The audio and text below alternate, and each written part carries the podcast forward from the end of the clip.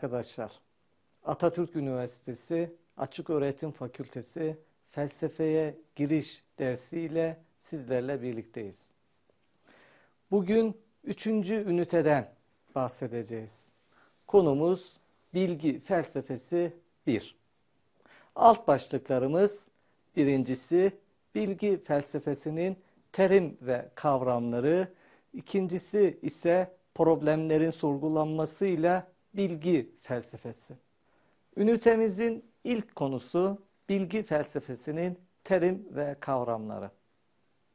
İlk kavramlarımız bilen, bilinen ve bilgi.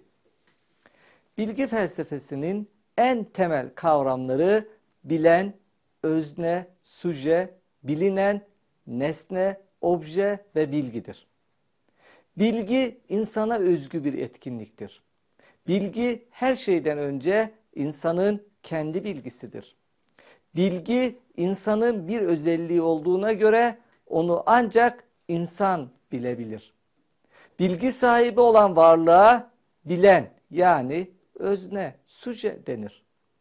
Bilen bilinen şeye yönelir ve bilgi ortaya çıkar. Bilen varlık olarak özne bir şeye yönelerek o şeyi kendi bilgi nesnesi yaparak onun ya bir kısmı ya da tamamı hakkında bilgi sahibi olur. O halde bilgi özne ve nesne veya bilen ve bilinen arasındaki ilişki sürecinde ortaya çıkan olgudur. Başka bir deyişle bilgi süce ile obje arasındaki bilinçli sürecin sonunda oluşan ürüne verilen attır. İkincisi doğru, doğruluk ve gerçeklik kavramları. Bilgi felsefesinin bir diğer kavram çifti de doğruluk ve gerçekliktir. Doğruluk ve gerçeklik aynı şey değildir. Doğruluk düşüncenin gerçeklikle uyuşması halidir. Bu tanıma göre doğruluk düşünceye ait bir durumdur. O halde ne kadar düşünceye ait olsa da gerçeklikle doğrudan ilişki içindedir. Ancak doğruluk ve gerçekliğin bir ilişki içerisinde olması her ikisinin de aynı şey olduğu anlamına gelmez. Doğruluk yargıda, düşüncede, önermede ve zihindedir. O zaman gerçek nedir ve nerededir diye sorabiliriz. Gerçek düşünceden bağımsız olarak var olan bir durum, olgu veya nesnedir. Gerçeklik ise doğruluğu sağlayan varlığın bir özelliğidir. Doğruluk düşüncenin bir özelliğiyken gerçeklik düşünceden bağımsız olarak var olan bir şeyin özelliğidir. Örneğin altın sarıdır önermesinin bir doğruluk değeri varken bir gerçekliğinin var olduğu söylenemez. Çünkü altın sarıdır önermesi altın diye adlandırdığımız elementin sarı olması halinde doğru, olmaması halinde ise yanlış değeri almaktadır. Buna karşılık altın kendi başına bir varlık olarak ne doğru ne de yanlıştır. Fakat o gerçek bir varlıktır. Altının gerçekliği varken altın sarıdır önermesinin doğruluğu vardır. O halde doğruluk önermede yargıda ve zihinde bulunmasına karşılık gerçeklik ise fizik dünyasının nesnesi veya olgusuna ait bir durumdur.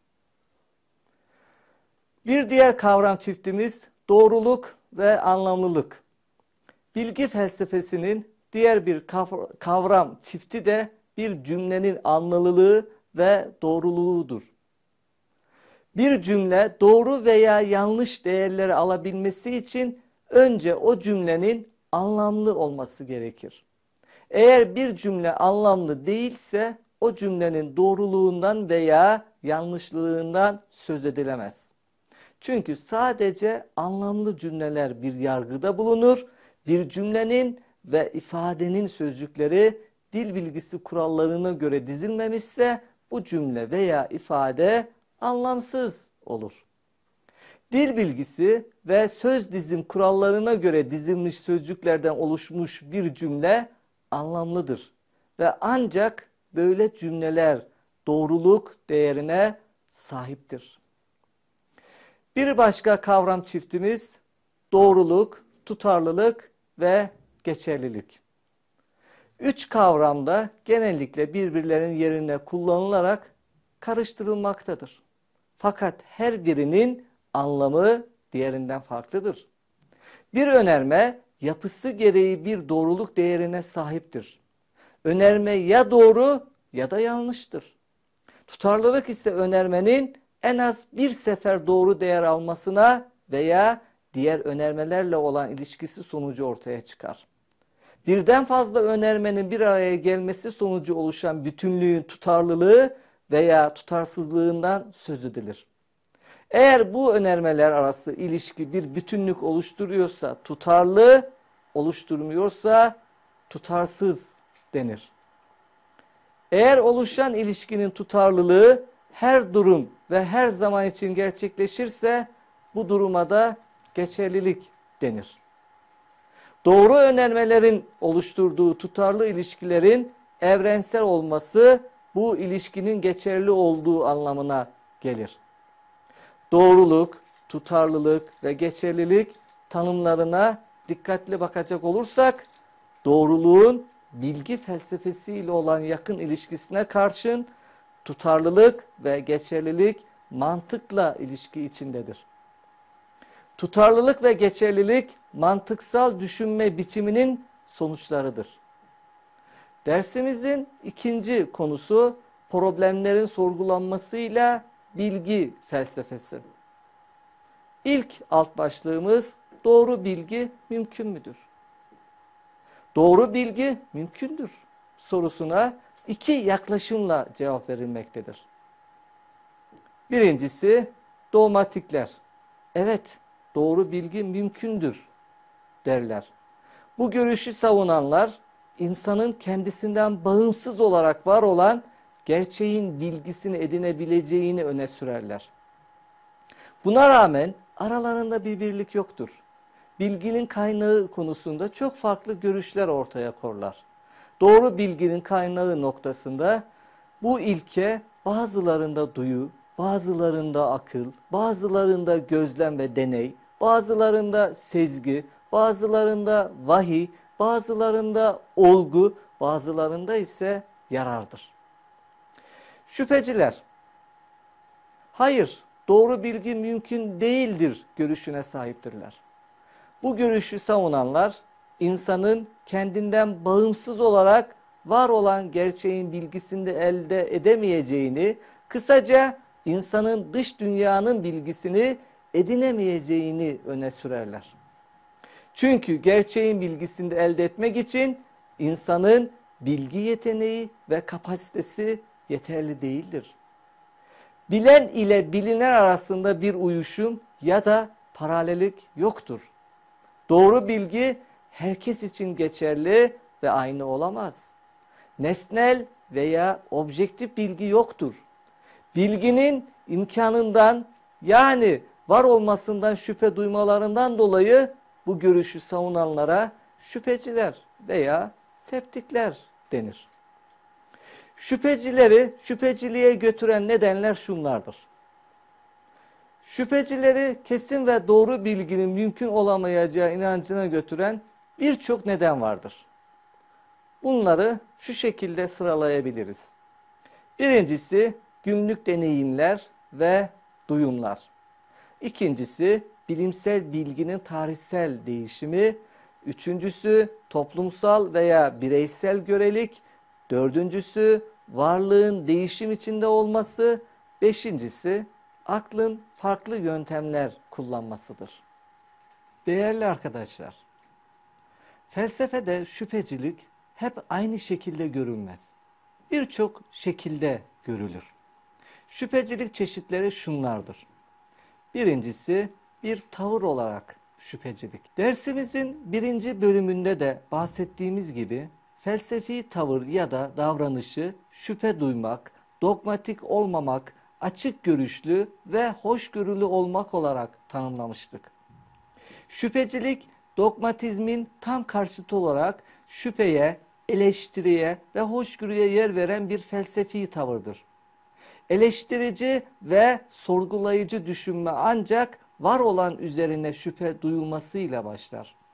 Felsefi tavır olarak şüpheciliği en iyi temsil eden Sokrates'tir. Sokrates var olan dinsel, ahlaki, siyasi ve bilimsel görüşleri eleştirerek Atinalı gençleri sorgulayıcı düşünmeye davet etmiştir. Onun şüpheciliği felsefi tavır gereğidir. Sokrates'in bildiğim tek bir şey var. O da hiçbir şey bilmediğimdir cümlesindeki gizli alay veya eleştiri onun nasıl şüpheciliği felsefenin bir parçası yaptığını göstermektedir. İkincisi bir yöntem olarak şüphecilik. Şüpheyi güvenilir bilgiye ulaşmak için bir araç ve yöntem yapan görüştür. Bir yöntem olarak şüphecilik her şeyden şüphe ederek doğru, kesin ve güvenilir bilgi arayışıyla düşünmeye başlar. Bu görüşün en önemli temsilcileri Gazali ve Descartes'tir. Üçüncüsü deney dışı bilgiye ait şüphecilik. Descartes'in akılcı şüpheciliğiyle başlayan modern felsefe İngiliz deneyicileriyle ve bunların senteziyle 18. yüzyılda farklı şüpheci felsefelere yol açmıştır. Deney dışı bilgiyle ilgili şüpheciliği iki aşamada ele alabiliriz. Birincisi deneycilerin şüpheciliği. İngiliz deneyicilerinden Locke ile başlayan deneyici ampirist bilgi kuramına göre bilgilerimizin kaynağı deneyimlerimizdir. Deneyin haricindeki her tür bilgiden şüphe edebiliriz. Çünkü o bilgilerin nereden geldiğini ve ne tür bir basit idesi olduğunu bilemiyoruz. Luke'un deney dışı bilgilere karşı duyduğu şüpheyi daha da ileri götüren David Hume'dur. Bilginin kaynağını deneyden gelen izlenim ve idelerle açıklamıştır. Bir diğeri eleştirel şüphecilik. Eleştirel şüphecilik Kant'la birlikte gündeme gelmiştir. Kant, bilgi elde etmeden önce insan zihninin bir analizini yapma gereği duyar. Onu böyle bir analize götüren neden? Onun insan zihniyle ilgili daha önceki felsefi görüşlerden şüphe etmesidir. Dördüncüsü ise aşırı şüpheciler. Bilginin olanağı konusunda göreceliği savunarak mutlak bilginin olmadığını ileri sürerler. Aşırı şüphecilere örnek olarak sofistler ile septikleri verebiliriz. Her iki görüşe göre de herkes için doğru, kesin ve genel geçer bir bilgi yoktur. Çünkü bilgi toplumdan topluma, bireyden bireye, çağdan çağa değişmektedir. Sofistlerden Protagoras, insan her şeyin ölçüsüdür diyerek algıda göreceliği, öznelliği, doğruluğun algılayan insana göre olduğunu ileri sürerek şeyleri de algıya indirgemiştir. Diğer bir sofist, Georgias, göreceliği aşırı bir biçimde geliştirerek görüşlerini hiççiliğe vardırmıştır. Georgias'a göre hiçbir şey var değildir. Eğer bir şey var olsa da bilinemez. Bilinse bile başkalarına anlatılamaz. Septiklerin ise en önemli temsilcileri Piron ve Timon'dur. Piron'a göre genel olarak bilgi olanaklı değildir. Çünkü varlıkların kendilerini biz hiçbir zaman bilemeyiz. Ancak bize göründükleri şekli, şekilleriyle onları bilebiliriz. Varlıkların asıl gerçekliği ve bilgisi insan için bilinemez bir konudur. Dersimizin bir başka konusu doğru bilginin kaynağı nedir? Doğru bilginin kaynağı nedir konusunda felsefede farklı görüşler vardır. Bunlar şunlardır. Birincisi doğru bilginin kaynağı deneyimdir diyen görüş. Bilginin kaynağının deneyim olduğunu savunanların ortak görüşü insan zihninin doğuştan boş levha, tabula rasa olduğu fikridir. İnsan doğduğunda bilgi yüklü olarak değil de boş fakat yazılmaya musait bir anlama yetisiyle donatılmıştır.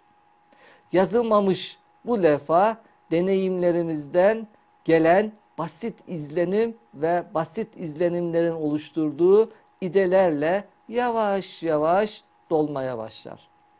En önemli temsilcileri John Locke, David Hume ve Mill'dir. İkincisi bilginin kaynağı akıldır diyen görüş. Bu görüşe göre aklın ilkeleri doğuştan gelen a priori ilkelerdir ve herkeste ortak olarak bulunurlar. Rasyonalistler bilginin kaynağını akılda görerek insan zihninin doğuştan boş olmadığını ileri sürerler. Bu görüşün en önemli temsilcileri ise Platon, Aristoteles, Farabi, Descartes ve Hegel'dir. Üçüncüsü bilginin kaynağı hem deneyim hem de akıldır diyen görüş. Bilginin kaynağını radikal biçimde deneyimde veya akılda görenlere karşı olarak her iki kaynağı da bilginin temeline koyan görüştür. Bu görüşe göre bilgi için hem deneyim hem de akıl gereklidir. Yalnızca biri olması bilginin oluşması için yeterli değildir. Bu görüşün en iyi temsilcisi Kant'tır. Dördüncüsü ise bilginin kaynağı sezgidir diyen görüş. Bu görüşe göre doğru, sağlam ve tam bilgiyi ancak aracısız ve doğrudan bilmeyi içeren sezgi verir. O halde doğru bilginin kaynağı ne akıl ne deney fakat onlardan daha üstün bir güç olan sezgidir. Bu görüşün en önemli temsilcileri ise Gazali ve Bergson'dur. Bilgi felsefesi ile ilgili bir başka problem ise doğru bilginin ölçütleri nedir sorunudur. Doğru bilginin üçüncü önemli problemi olan doğru bilgiyi doğru kılan kriter veya ölçüt nedir problemi felsefe tarihi süresince tartışılmış en temel problemlerden bir tanesidir. Hangi şartlar ve koşullar altında bilgi doğru olmaktadır? Bilgiyi değerli kılacak şey onun doğruluğu olduğuna göre doğru olmasına neden olan kriterler nelerdir? Bilgi felsefesinin önemli problemlerinden biri olan doğru bilginin ölçütleri sorunsalı felsefede farklı şekillerde tartışılmıştır. Birincisi doğru bilginin ölçütü uygunluktur diyen görüş. Doğru bilgiyi doğru kılan uygunluk acaba neyin uygunluğudur? Düşüncenin gerçeğe uygunluğudur. Düşünce bir önerme veya bir yargıyı ifade etmektedir. Bir yargı veya önerme gerçekle uyuşuyorsa o bilgi doğrudur. Örneğin bu sınıfta 20 öğrenci vardır önermesi ancak ve ancak bu sınıftaki öğrencilerin sayısının 20 tane olması durumunda doğrudur. Doğru bilginin ölçütüyle ilgili bir başka cevap da doğru bilginin ölçütü tutarlılıktır diyen görüş. Doğruluk hakkındaki tutarlılık kuramına göre düşüncenin gerçeklikle uygunluğundan çok düşüncelerin kendi aralarındaki tutarlılığı doğruluğun ölçütüdür. Üçüncü bir görüş doğru bilginin ölçütü tümel uzlaşımdır diyen görüş. Tümel uzlaşım ölçütüne göre herkesin veya çoğunluğun kabul ettiği bilgiler doğrudur. Burada amaç bir inanç, bir yargı, bir önerme ya da bir bilgi hakkında herkesin onunla ilgili doğru kabulüdür. Böylelikle bugünkü dersimizi de tamamlamış olduk. Bir başka dersimizde görüşmek üzere, hoşça kalın.